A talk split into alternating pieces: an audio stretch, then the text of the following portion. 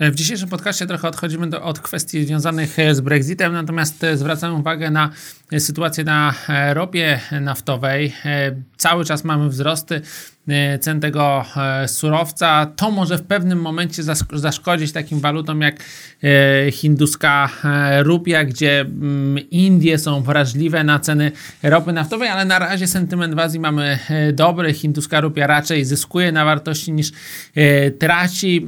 Natomiast sytuacja na ropie jest skomplikowana ze względu na kwestie związane z Wenezuelą. Ostatni blackout w tym kraju, oczywiście straszna sytuacja makroekonomiczna i sankcje ze Stanów Zjednoczonych powodują, że e, wydobycie ropy, eksport ropy z Wenezueli e, drastycznie e, spada. Dodatkowo również OPEC ogranicza wydobycie. W maju wygasają także zwolnienia dla Iranu związane z eksportem ropy naftowej, także kilka elementów w tym momencie działa pozytywnie na ceny i oczywiście negatywnie dla konsumentów, natomiast warto zwrócić uwagę także na inną kwestię, która w tym momencie ma miejsce w Stanach Zjednoczonych. Szeroko dyskutowana jest Y, ustawa NOPEK, y, która praktycznie zabrania, sankcjonuje, można powiedzieć, kartele. Kartele i tutaj dotyczy to również kartelu y, OPEC.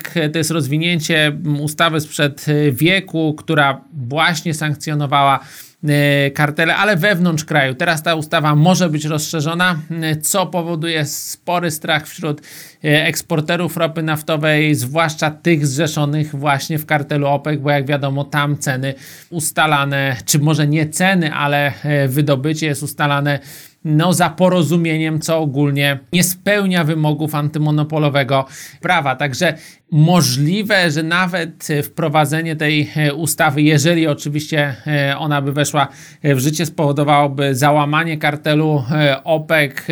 Każdy by produkował tyle, ile chce, czy wydobywał tyle, ile chce ropy naftowej. To by mogło spowodować drastyczne spadki cen ropy naftowej, nawet w okolicy 30 dolarów, jak to miało miejsce w tej serii spadku 2015-2016. Także choć to nadal jest ograniczone prawdopodobieństwo, to istnieje szansa, że rzeczywiście zobaczymy drastyczne e, spadki ceny ropy naftowej lub przynajmniej ograniczenie wzrostu, bo Stany Zjednoczone są ostatnio wrażliwe na działania OPEC i być może w większym stopniu będą się przyglądać działaniu tego kartelu i e, tą ustawą mogą po prostu straszyć państwa Zatoki Perskiej, żeby no zbytnio nie podnosiły cen ropy naftowej a gdy jest nadprodukcja, e, to żeby, żeby same nie zmniejszały e, produkcji, przez to e, bilansując rynku. Także wydaje się, że jest szansa na niższe ceny paliw.